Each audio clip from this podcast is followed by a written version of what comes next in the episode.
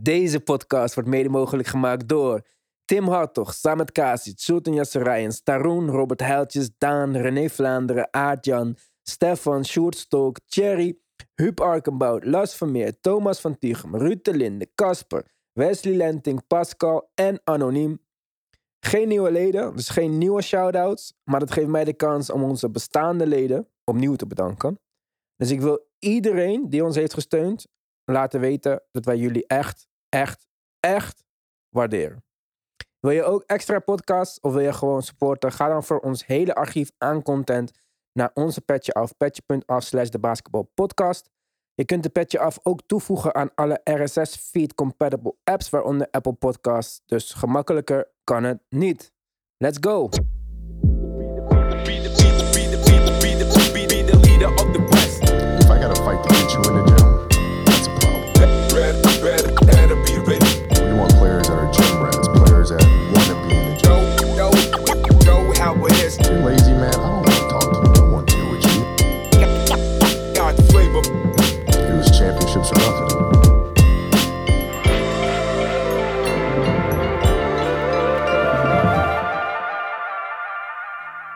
Clippers hebben Eric Bledsoe, Justice Winslow, Keon Johnson en een future second round pick getraind naar de Portland Trail Blazers voor Norman Powell en Robert Covington.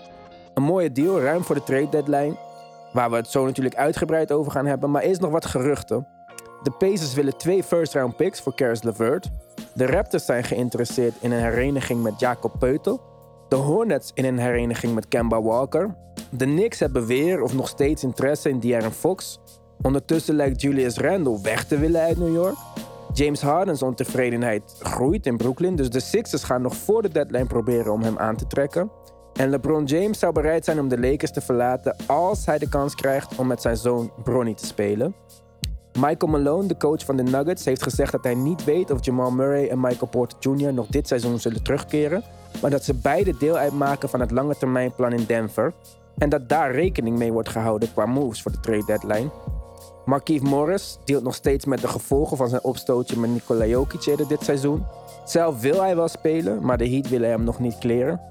Dirk Nowitzki heeft zich openlijk afgevraagd of hij misschien niet twee jaar eerder had moeten stoppen. De Mavs legend heeft zoveel last van zijn voeten dat hij soms niet eens met zijn kinderen kan spelen. Best heftig, helemaal omdat ze als team ook niets gepresteerd hebben in die laatste twee jaar. Al dus Dirk.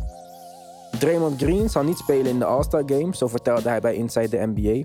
Adam Silver zal een vervanger aanwijzen voor hem. Maar Draymond zelf had al wel iemand in gedachten. De John. Murray. De Spurs guard average bijna 20 punten, 9 rebounds en 9 assists per wedstrijd dit seizoen. De All-Star Reserves zijn ook bekendgemaakt. De coaches hebben hun keuzes gemaakt. Daar zitten wel een paar verrassingen bij, maar daarover later meer. Joel Embiid heeft 300 wedstrijden gespeeld in de NBA en is één van 10 spelers die in hun eerste 300 wedstrijden gemiddeld 25 punten en 10 rebounds noteerden. Sinds de merger van de NBA en de ABA in 1976 waren het alleen Embiid en Shaq. En er zijn nog maar 6 NBA-spelers over die dit seizoen alle wedstrijden hebben gespeeld en gestart voor hun team. Het zijn Kevin Looney, Frans Wagner, Sadiq Bey, Mikael Bridges, Chris Paul en Russell Westbrook. En tenslotte Greg Popovich. Hij is de eerste coach in de geschiedenis van de NBA geworden met 1500 wins. In de regular season en de playoffs samen dan. Naar alle waarschijnlijkheid is Pop bezig aan zijn laatste seizoen als coach. Dus een mooie kerst op de taart om zijn carrière af te sluiten met de meeste wins ooit. Ja jongens, het belooft een mooi trade seizoen te worden. We gaan het zo hebben over die Clippers trade. Maar aanstaande donderdag onze live show. Jawel, we gaan dat doen op YouTube. Je kan ons daar vinden als je zoekt naar DBP, Mates, DBP, Last Dance, whatever. Maar Mark gaat ook gewoon een link uh, voor jullie maken op de basketbalpodcast.nl. Hij begint nu zenuwachtig op zijn stoel te schuiven, want hij is dat vergeten natuurlijk. Maar dat geeft niet. We gaan donderdag om 9 uur beginnen. Ik heb er zin in. Ik denk dat er nog wel wat spannende dingen gaan gebeuren. Dus uh, ik hoop dat jullie er allemaal bij zijn. Dus hou de basketbalpodcast.nl in de gaten. Of kijk op onze Instagram, at de basketbalpodcast. Of op onze Twitter, at de basketbal. Maar, we hebben al een trade. Eric Bledsoe, Justice Winslow, Keon Johnson. 2025 second round pick via de Pistons naar Portland. En Norman Powell en Robert Covington naar Los Angeles. Ik uh, denk een hele goede trade. Norman Powell is denk ik de main piece voor de Clippers. Covington kan je van vinden wat je wil, maar het is ook geen langdurig contract meer. Powell nog tot 25, 26 onder contract. Verdient net onder 20 miljoen, eindigt op 20 miljoen. Scoort bijna 19 punten per wedstrijd met 5 rebounds. Kan bijna niet beter. Hij is 6'3. Dat was bij de Portland Trailblazers een probleempje omdat McCallum en Lillard zo klein zijn. Maar hij speelt met Kawhi en Paul George. Ja, hartstikke goede trade, denk ik ook. Home run voor de Clippers. Ja, En dan- second round pick en Eric Bledsoe, wat? Ja, dus eh, let's go. En eh, voor dit seizoen natuurlijk al wel een aanwinst. Maar uiteraard met het oog op volgend seizoen. eh, Ja. echt, echt een goede versterking. Als je dus ziet wel, welke starting line-up ze daar dan gaan hebben. Ervan uitgaande dat zowel PG als Kawhi volgend, volgend jaar er gewoon weer bij zijn. Ja, dan worden de Clippers echt opeens, eh, een, eh, Ja. opeens weer een contender op papier. Ja, En besef dat de Trailblazers hebben nu een second round pick ervoor teruggekregen. Maar ze hebben tenslotte ook Gary Trent Jr. getraind voor eh, Norman Powell. Ja. Dus als je dit alleen doet voor tekstredenen, want dat zou de, de redenen zijn van de Trailblazers. Ja, geef dan een second round pick en trade Robert Covington naar de Thunder of zo. Wat ben je aan het doen? Dit is toch echt een bla trade? Als je de, de, de move van Gary Trent er, eh, de teg- ah, laten we zeggen, eraan vastplakt, ja, dan ziet het er niet zo heel goed uit. Deze, als je deze trade alleen bekijkt, ja, dan is het eh, de, de boek een beetje opschonen. Dat is wat ze gedaan hebben. Cap flexibility. Dit gaat voor, de, voor, Portland meer om komende zomer en om volgend seizoen ook. Eh, en nou ja, de belangrijkste conclusie voor Portland, wat mij betreft, na deze trade is, ja, er wordt daar dus wit vlag gehezen. Ze laten het seizoen een beetje lopen. Ze creëren ruimte om Anthony, Anthony Simons te kunnen gaan betalen. Ehm, en eh, ja, om in de zomer nog wat te kunnen doen. Om volgend jaar, want dat is waarschijnlijk nog steeds wel het doel. Een, eh, een beter team om, eh, om Damian Lillard heen te, heen te Ja, zetten. Maar Damian Lillard moet dan een extension gaan signen in de zomer. En daar lijkt hij ook interesse in te hebben. Gaat ook om een hoop geld. Maar wat voor signaal geef je af aan je ster als je Norman Powell wegtreedt? Dat was je grote versterking van vorig jaar. Ja. Het lijkt er toch echt op dat ze ook beginnen te beseffen dat CJ McCollum niet gaat werken hier. Die popt ook in, op in allemaal eh, trade rumors. Yusuf Nurkic contract loopt af. Covington, jouw grote wing die je, die je nodig had, die heb je alweer getraind. Ja. Dus wat ga je dan tegen Dame zeggen van de zomer? Eh, eh, we hebben Anthony Simons. Ja, ik vind het ook geen sterk verhaal. Ze laten duidelijk, eh, want verwachten ze inderdaad dat McCollum deze, deze dagen ook nog wel eh, eh, verhandeld gaat worden. Ja, dan zetten ze vol in op de komende zomer. Met de nodige mogelijkheden die ze dan zelf denken te hebben. Ja, ik weet niet of Lillard hier zich een stuk beter van gaat voelen met het oog op volgend seizoen. Maar ja, het is duidelijk dat ze die keuze nu maken. Dat ze daarop gaan inzetten. Clippers eh, sympathisanten in de house. Eh, blij, Norman Powell. Ja, ja, super blij. Prima toch? Prima, super. Zelfs Covington, hij mag gewoon even meedraaien. Kijken of Mhm. eh, hij zou dan, als iedereen gezond is, een rol als 11e, 12e man. Prima. Ja, maar dan daar- verdient hij wel heel veel geld. als hij af en toe verdient hij- twaalf- ah, Oké, maar ja. ja. dat gaat wel zo zijn. Qua minuten gaat, gaat hij wel achter Kawhi en PG en, en nog wat andere jongens komen. Dus als hij zeg maar bereid is om die rol te aanvaarden, dan is dat gewoon een briljante set. Zo niet kunnen ze nog steeds eh, kiezen wat ze ermee doen. Hij is een perfecte Mm. trade piece. En ik denk ook niet dat de Blazers dat eh, met elk team eh, hadden gedaan. Ik denk dat Jerry West wel een beetje zijn macht heeft, goed heeft uitgespeeld of zo. Want ik weet niet, ja, hij, hij, hij heeft toch al bewezen op korte tijd dat hij wel eh, creatief uit de hoek kan komen en wel wat gedaan krijgt. Dus eh, Ja, ik denk, voor de, ik denk voor de Clippers sowieso een goede speler. Wat ik zei, 20 punten per wedstrijd maakt hij. Ja? ja, En ja, nog met 5 rebounds. Dus best oké voor 6'3 guy. zeker. En je weet dat, dat Kawhi en PG tijd gaan missen. Ze gaan niet, eh, zelfs al zijn ze gezond, ze gaan niet alle wedstrijden spelen. Dus je hebt wel zo'n guys Ja. nodig die eh, opstappen tijdens de regular season om vertrouwen. En ja, dan kan het wel een heel gevaarlijk team weer worden, denk ik. Ja. Al zou hij de six man worden van de bank, Ja, dan is het al. nog steeds eh, beter dan wat Luke Kennard tot nu toe laat zien. Mhm. In principe kan je nog Luke Kennard in een ander wat groter contract, bijvoorbeeld Morris verdient 15 miljoen of zo. En Luke Kennard volgens mij 17 uit mijn hoofd. Ja, Dat is volgens mij ook. 32 miljoen. Dat is nog een topspeler erbij.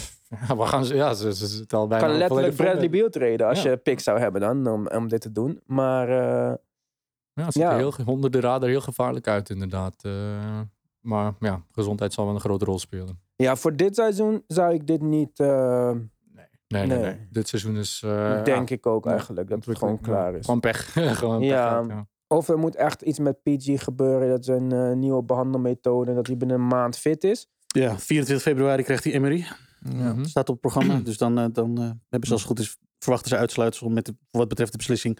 Komt hij dit seizoen nog terug of gaan Maar we er... een- dit snap ik ook niet. Als ik zo'n groot team ben. Ik, hoe heeft PG niet elke dag een Emery? Nou, klopt wel, ja. Ja, eh, wat eh, zeg je? 24 februari gaan we kijken of dit seizoen nog iets wordt. Waarschijnlijk omdat ze weten dat Ja, het nu geen zin heeft om ja, te kijken. Ik ja, dat zal wel, eh, ja, dat zal ze random zijn, eh. ja, maar dan vraag ik me Volgende ook af. afspraak is eh, binnen drie weken, Paul. eh, Ja, sorry. iedereen begint Ja. week. Eigen risico. Ja. Ah, ja, nee, wacht dan nog maar even. Dan, eh. Ja, geen Unive, hè? nee. Maar, eh, ja, maar dan denk ik van, toen hij geblesseerd was, waarom niet gelijk opereren? Ik denk dat die kans heel groot is dat hij alsnog moet worden geopereerd. Hoezo zou hij wonderbaarlijk herstellen? Nou, hoeveel operaties heeft hij al gehad de laatste drie jaar? Toch al op twee of zo? Nee? Dus jij wil zeggen van, ik heb geen zin in nog een operatie. is een goede reden. als het kan zonder graag of zo. Ik wil Ja. niet te veel. Ja, ik weet niet. Ja. Nou, volgens mij had dat wel wat implicaties, toch? Volgens mij zou een operatie eh, wat langere revalidatie Ja. vereisen. Eh, misschien wel met een grotere herstelkans of een garantie zelfs daarop. Mhm. Maar ja, ze hebben toch eerst gepoogd om dat zichzelf te laten genezen. Omdat ze dan waarschijnlijk dachten, ja, dan hebben we nog een kans op dit seizoen, zeg maar.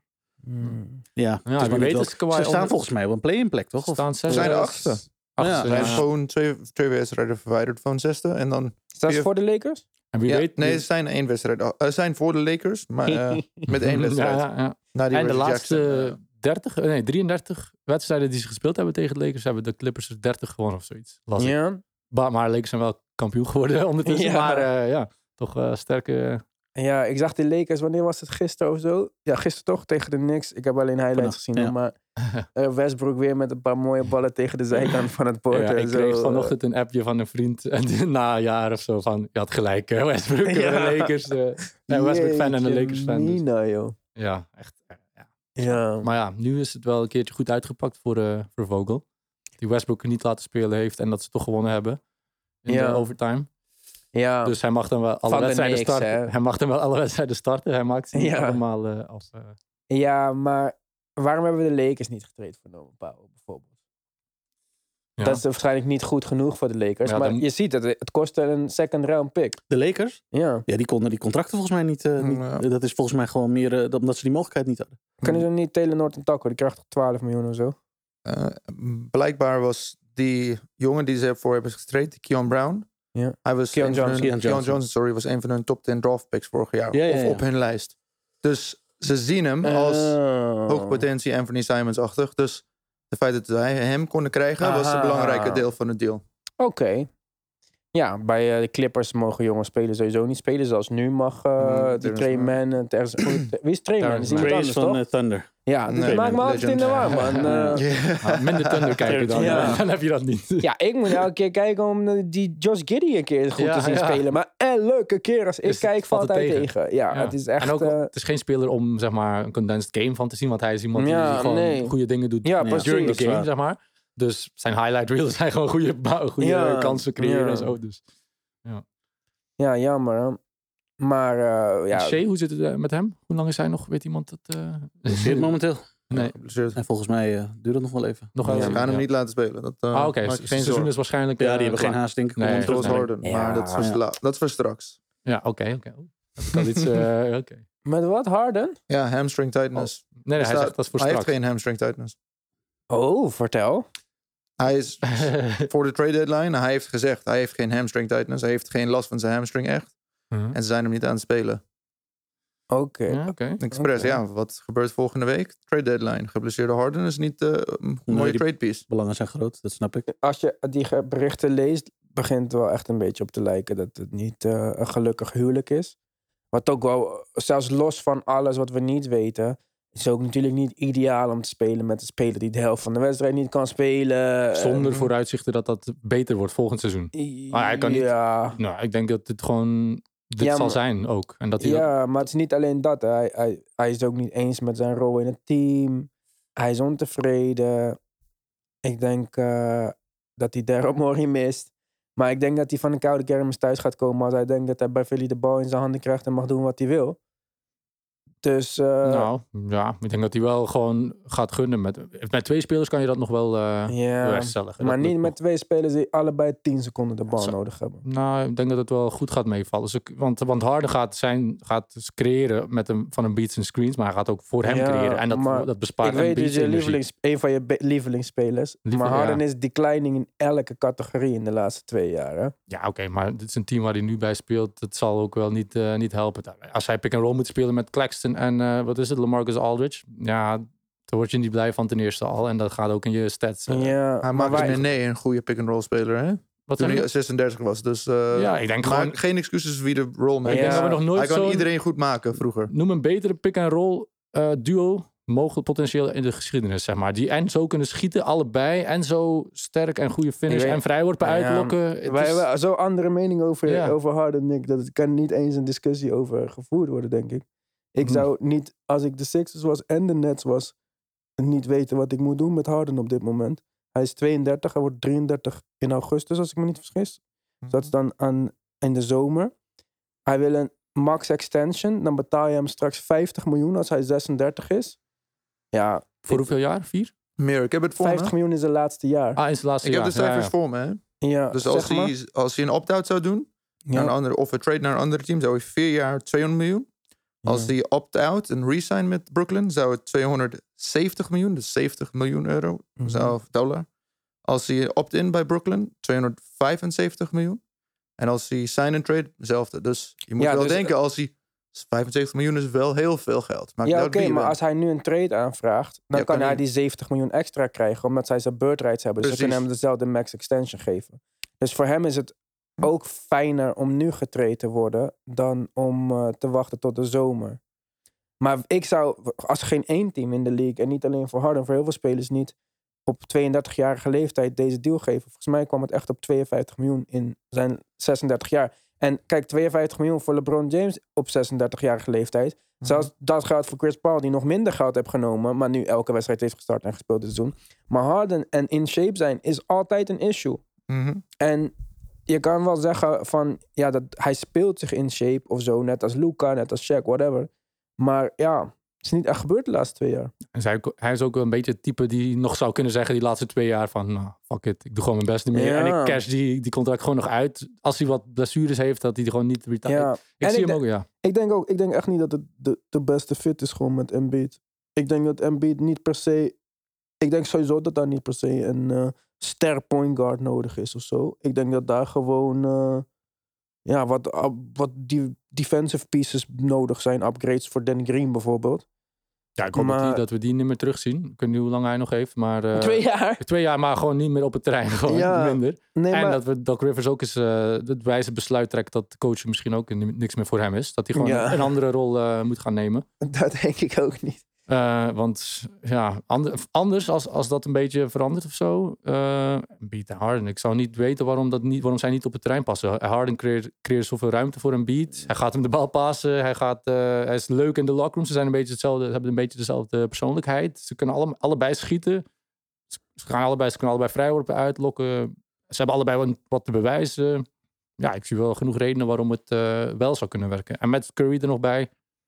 Ja, meer Ja, heb je ik, gewoon niet. ik hoor allemaal aanvallende redenen. En die, die, zie ik, die zie ik ook nog wel goed komen inderdaad. Ik, Ik denk dat ze op niet. aanvallend vlak misschien nog wel, eh, nog wel echt wel een serieus team worden. Maar ik lees zelfs geruchten waarin dan Tybal nog de andere kant mee op moet. Dan denk ik, als, ik zou niet weten waarom Philly dat doet. Nee, nee, nee. Ze hebben, Philly heeft gezegd dat het no way dat we of, of Maxi of Tybal, die Juist. zijn untouchable. Want dan geef je zo'n beetje je hele verdedigende identiteit op natuurlijk. Ja, en dan kun je straks wel een, een juggernaut van een aanvallend team hebben. Want dat hebben ze dan echt wel, denk ik. Met Seth Curry, met eh, James Harden en met, met Joel Embiid. Dan, heb je, ik bedoel, dan doe je echt mee. Maar ja, goed. eh, je komt vanzelf een team tegen dat, eh, dat verdedigend problemen gaat opleveren. En Ja, hoe ga je die counteren dan? Ik bedoel, Maar Embiid is toch heel goed verdedigend. Hij is Embiid toch- wel. ja. Embiid wel. Maar Dus de je- combinatie Harden, eh, eh, Seth Curry vind ik... Nee, nee, nee. Verdedigend Seth niet zo Curry- Nee, nee, overtuigend. nee. Dat is, dat is helemaal, dus- helemaal waar. Ja, je moet zijn zonder Ben Simmons gezakt van de eerste beste defense naar de Ja. 17. Ja. ja, ja, ja. Embiid heeft in feite, nou, misschien op- in een andere extensie, maar hetzelfde probleem als wat eh, Gobert in Utah natuurlijk ook heeft. Eh, hij, is, hij is een goede verdediger, maar eh, ja, met om zich heen niet altijd even goed. En ja, dat, dat kun je natuurlijk maar be- in beperkte mate compenseren. Dus Ja, precies. En nou, hij, wordt- er wordt ook zoveel aanvallend van hem verwacht. Ja. Dat hij dat, weet je, dat- je kan echt maar zoveel dingen ja. doen. Ja. Ja, maar dit werkte gewoon goed. Hè. Simmons en een beat verdedigen. De een kon de ander defensive issues oplossen. Ben Simmons kan risico nemen omdat Embiid achter hem staat, zeg maar. We- Het wil ook niet zeggen dat Ben Simmons nu naar een andere plek gaat waar er geen center is die de rim kan verdedigen, dat hij nog steeds de beste perimeterverdediger is of zo. Hmm. Dus dit was gewoon een, defensively een mooie combinatie. Maar de rest van dit hele team kan niet verdedigen. Tobias Harris, ja, nee, Danny Harris- Green is eh, bejaard. Seth Curry is een superleuk speler, maar fysiek gewoon niet capable om Aanvallend dat goede te kunnen. Ja, ja. Kan, Maar- eh, kan Brooklyn iets doen met Tobias Harris? Als, als eh, Aldridge niet meer gebruiken en eh, gewoon ja, maar eh, dan moet je zoveel contracten terugsturen. Dan Ben Simmons Val- en Harris mee, voor zou- een max contract van, hem, van Harden. Voor Harris, Harris en Harden, zei je dan, kom je op de goede, kom je op de nummers. Nee, nee, maar hij wil Ben Simmons en Tobias Harris. Ja, Ja, maar je kan wel met de nummers met... eh, en Harris erbij. Bij, Nee, hoor. Zo. Harden verdient 45 miljoen. Ben Simmons verdient 30 plus. Tobias Harris verdient 36. Ja, dan moet er gewoon nog iemand bij, bij de, van bij de Nets. Wie? Ja, die Harris? Harris. Joe Harris. Joe Harris. Mm, 17 Joe miljoen. Harris. Ja, sorry. Ik, ja, Oh, sorry. sorry. ja, Ja, ja, sorry, nou ben sorry. ik ook even afgegaan. Ja, sorry. Ehm, Dan kom je op de nummers. Dan Ja, heb je, ja, oh, sorry. dan ja. heb je Tobias, 70 ja, miljoen. Ongeveer 70. Oké. Net En hij draait 70. ook geen goed jaar. Misschien is hij ook niet helemaal Hij gaat niet eens spelen, dus daarom Kijk. zou je het niet doen. Ook al. Nou ja, dus dat, dat maakt wel helemaal makkelijk. Ja, dit seizoen heb je er niks meer aan. Nee. Nee. Nee, Dus, dus ik Ja, snap Harden de- En alles wat de wel. Nets aan miljoenen extra binnenhalen, levert ze, omdat ze al zo diep in de tekst zitten, nog weet ik veel veel meer miljoenen meer. eh, ik bedoel, dat zal ook een keuze zijn. Niet dat ze daar Mhm. lullig zijn om geld uit te geven, Hm. want eh, het is Maar- bizar. Maar ja, op een gegeven moment snap ik wel dat het... eh, Maar het Ja. zou niet, ik zou een line-up met Tobias Harris bij de Nets niet verkeerd vinden. Je zou hoe zou je die zien dan? Patty Mills, Kyrie, eh, dan zou je KD, Tobias Harris en dan Ben Simmons. Wat is niet per dit se- voor fantasielijn? Ja, dit kan is wel, echt het kan wel, Kan- eh, dat maar- is wel echt positionless, ja. Ja, maar, ja, maar niet eh, per, ja, Steve Nash en- staat daar wel voor, eh, voor open, denk ik. Maar, Nee, ik en denk hij het kan misschien Harris wel de juiste tips geven die, eh, die hij nodig heeft. Want hij speelt gewoon fundamenteel op, op zijn eigen manier, maar niet, niet geëvolueerd naar de huidige NBA. eh. Dus Tobias Harris moet gewoon naar een team...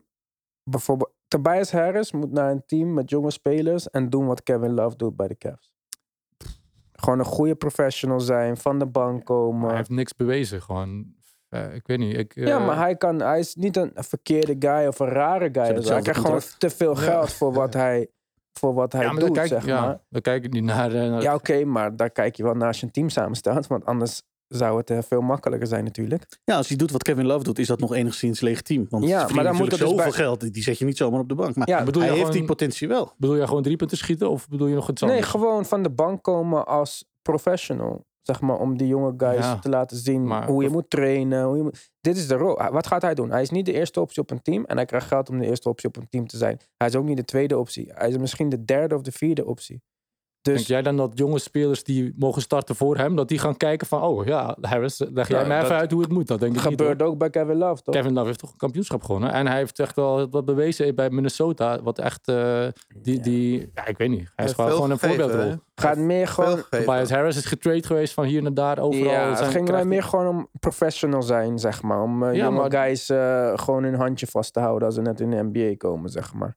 Misschien kan hij bij de Thunder dat doen, vooral die jonge guys. Als persoon kan hij wel. starten bij de Thunder, natuurlijk. Maar eh, als ze dat willen. Maar ehm, dat was meer... eh, ik zou niet weten wie zit te wachten op Tobias Harris voor starter in een compet... Ja, Ja, nee, maar, pff, mij maakt het niet uit starten of van de bank. Maar als hij gewoon speelt hoe hij nu speelt, dan kan geen enkel team, dan gaat geen enkel team beter worden door, door hem, zeg maar. Maar als hij zijn spel aanpast en meer spacing creëert voor die jonge guys en dat leidt tot eh, resultaten, dan kan dat wel. ja maar kan hoe van zou... de bank of van op de... Ja, maar waarom zou hij nu zijn spel gaan aanpassen? Na 30 jaar omdat hij leven. ook eh, Russell Westbrook ziet van, oh, misschien moet je toch eh, een beetje mee evolueren. En Russell Westbrook doet het nog steeds niet. Nee, oké, maar ik ben benieuwd of LeBron op langere termijn eh, misschien toch een, een invloed kan hebben. Want nu, dit is echt het moment dat hij kan laten zien dat hij iedereen in de juiste richting kan buigen een beetje. Maar ja, bij Harris... eh, Nou ja, Vogel bencht hem en hij wordt niet ontslagen. Dat is al een teken. mhm. Dus, eh, maar ja. En ja, ik weet niet. Ik geloof niet zo in dat echt dat spelers kunnen veranderen. Er zijn maar een paar voorbeelden daarvan. Ik kan echt, als ik nu zou moeten nadenken, denk aan een Ray Allen die echt van de primary option naar een soort van, eh, ja, echte catch-and-shoot shooter gaat. Brook Ging- Lopez. Ja, Brook Lopez, maar ook omdat als hij dat niet had gedaan, was hij echt uit de NBA, omdat die game te veel veranderd was, zeg maar. Maar Was- als, als, als zo'n big powerful guy beginnen de drie punten te gaan schieten, moet je wel durven hoor. Dus Kevin ik- Love? Kevin Kevin Love ook, ja. een- Kevin Ja. Love en Ja, maar Kevin Love vind ik in dezelfde categorie als Chris Bosh van, ja, eh, fit in or fit out. Ja, maar maar. daar gaat het toch om. Ja, dat is vaak Ja, ja, maar we hebben het over echt een, ik, heb, ik vat dit op als een speler die zijn hele game gaat aanpassen om zijn carrière te extenden, zeg maar. Ja, vaak Ja. komt dat uit op gewoon veranderen in een spot-up shooter. Gewoon. Wil, dur- wil je die rol Zijn aannemen? carrière te extenden. heeft Vince? Carter ook gedaan natuurlijk. Oh, ja, Vince Carter, ja, ja. oké, Vince Carter heeft het 30 jaar gedaan, zowat. Maar eh, Ja. Ja. wel succesvol dus. ja, ja, maar dus, Tobias Harris kan niet drie punten schieten. Hij is gewoon Ja. niet een goede driepuntschutter. Hij is ook geen catch-and-shoot shooter. Het is gewoon keer op keer gebleken. Elke coach die hij heeft gehad, zet hem aan de zijkant om die eh side three-pointers te raken. Ja. En het lukt gewoon niet. Hij heeft gewoon een paar dribbles nodig en twee stappen binnen de driepuntlijn. En dan kan hij wat doen. En op sommige avonden is het fijn om zo'n speler erbij te hebben. Dat hij 25 punten kan scoren of zo. Maar volgens mij zit hij dit jaar al op 18 punten gemiddeld. Dat zijn dus letterlijk Norman Powell nummers. En die verdient letterlijk de helft van zijn contract. ja, maar ik zie hem ook niet als veel beter als Norman Powell. Ja, maar dus dat is het, dat is het grote Ja, hij, probleem. hij, hij is een slecht contract. Dat, is, dat, Ja. dat, dat, dat realiseert de rest van zijn en meer is ook. Nee, ik heb de afgelopen dagen ook over die trade zitten nadenken. En ik begin meer en meer te denken. Ja, volgens mij is de fit van Simmons bij de Nets veel beter en prima. En ervan uitgaande dat Simmons oké is, mentaal. Ik bedoel, laten we dat hoofdstuk dat even voor wat het is. wel ook, als hij, ook als hij mentaal oké is, maar niet gaat schieten. Ja, want hij heeft daar alle fi- firepower om zich heen die hij kan wensen. Ja, bedoel, maar Hij is- hoeft dat, precies niks te creëren in de dat is echt top. Maar had hij bij de Sixers geen firepower? firepower Minder dan. Nets. Minder dan bij de Nets. Maar Dus da- daarin komt hij echt in, als je, dat, als je het puur daarop... eh, op Ja, het gaat niet per se om een- firepower. Het gaat om een speler die zijn eigen schot kan creëren. Dat hadden de Sixers niet, behalve Embiid. En Embiid werd gedoubleteamd in de playoff en had acht turnovers per wedstrijd. Bij de Nets kan hij Bruce Brown zijn in de aanval. Ja. En dan kan hij spelen met de twee beste schotcreëerders dan in moet de wel hele een- NBA. ja, maar dan moet er wel een center bij die ook drie punten schiet. Want anders gaat het niet eh, werken. Ja, Mark zijn plan toch? Met eh, Ben Ja, hij Simmons. Bruce Brown speelde Ja. center vorig jaar. hè? Ja. Ja, oké. Six, Ik zeg niet dat die kan. center. Beter, beter, want ja, sowieso betere fit als met de, met de Sixers doen. Sowieso. En hij kan compenseren voor Kyrie's defense. En samen van Ben Simmons en KD zijn samen denk ik genoeg om de rim degelijk te beschermen, Ja. zeg maar. Vind ik ook. Dus eh, Schieten hoeft niet. Ja, maar Aldridge kan toch schieten? Als Aldridge daar zou blijven. Ja, oké. Ja, Maar maar schiet heel goed, hè? Hij schiet goed. Ja, Ja. niet, eh, niks tegen hem zeggen. hij heeft zijn range extended. Hij is nu echt... eh, Dat dus is goed. het is oké, maar misschien kunnen ze iets anders fixen. Maar ik denk ten alle tijde beter. Ik zou niet weten als Ben Simmons nu terugkomt bij de Sixers. Of hij zegt zelf ook dat dat geen mogelijkheid is natuurlijk. Maar wat hij dan daar zou moeten doen. Je zou, ja... Ja, wat zou hij doen dan? Gaat het weer hetzelfde worden? Gaat hij weer in de aanvallend in die dankerspot staan en niemand gaat iets creëren voor hem? Hm. Zie ik hem echt duizend keer liever met KD en met Kyrie dan Ja. eh, Hmm. met dat. Welke rol zie je dan meer? In de half, ik kan het moeilijk... hij kan Ja, geen Steve spelen. Nash en eh, Mike D'Antoni, of die zitten niet meer. Nee. Wie is dit nu zijn assistentcoach? Steve Nash, iemand moet dit gaan oplossen. En als hij het niet, ja. Hij moet gewoon gaan schieten. Dat is de oplossing gewoon. ja, hij moet juist niet gaan schieten. Als hij gaat schieten, is hij Westbrook. Nee, als hij, hij moet gewoon op Ja, zich... hij moet als- raak gaan schieten, Nee, nee, jij. nee. Hij moet gewoon, als zij hem uitdagen, moet hij dat schot nemen. Net Meer als niet. Westbrook. Nee, Westbrook neemt dat schot in de face met één dribbel binnen in de, op het verkeerde moment. Dat is een heel groot verschil. Beter niet schieten dan uh. Nee, want hun probleem is hetzelfde. Ze kunnen allebei niet schieten. Alleen het probleem bij Westbrook is, hij schiet te veel wanneer het niet moet. En Ben Simmons weigert ooit te schieten. Dat, is al, dat zijn de twee uitersten. En moet ge- het antwoord ligt ergens in het midden. Kijk naar Mm. Rondo. Het schot moet je nemen als ze je uitdagen. Anders maak je het gewoon de hele verdediging gemakkelijk. Iedereen weet hoe Ben Simmons speelt. Als hij niet die evolutie gaat maken, dan gaat hij echt... eh, dan gaat het bij de Nets ook niet goed uitdraaien. Alleen één speler die minder schiet, maar meer wint. Kunnen jullie raden wie dat is? Die wat? Minder schiet, maar het team wint, wint meer. Nou, Draymond Green. Oh, ja. oh, Ja. En, en Dus, eh, ja, ook een playmaker die, kijk, in die, in die rol, zeg maar. hebt. Maar ik zie de Nets niet het eh Warriors systeem eh, overnemen. Het zou mooi zijn, maar, en Kevin Durant zit daar, dus hij heeft die know-how wel. Maar En Steve Nash. Steve Nash. ja. ja, Steve Nash ook. Is ja, daar ook ja, geweest. is ook eh development coach geweest. En Perry ja. Mills. Weet hoe En het Perry systeem Mills. werkt. Ja, ja, precies. Dus Ja, ja. het kan zeker. En je hebt al vier spelers dan. Als Ja, Kyrie fulltime... eh, Maar er is één groot verschil tussen Draymond Green en Ben Simmons. En dat is dat Draymond Green ook de vocale leider is van de Warriors. Naast de playmaker. Ja. En dat Ben Simmons niks zegt of niemand leidt. Maar goed, wij gaan verder op petje af. Want eh, we zitten alweer eh, over onze tijd heen. Dus kom naar petje.af slash de basketbalpodcast. En eh, dan horen jullie ons zo weer.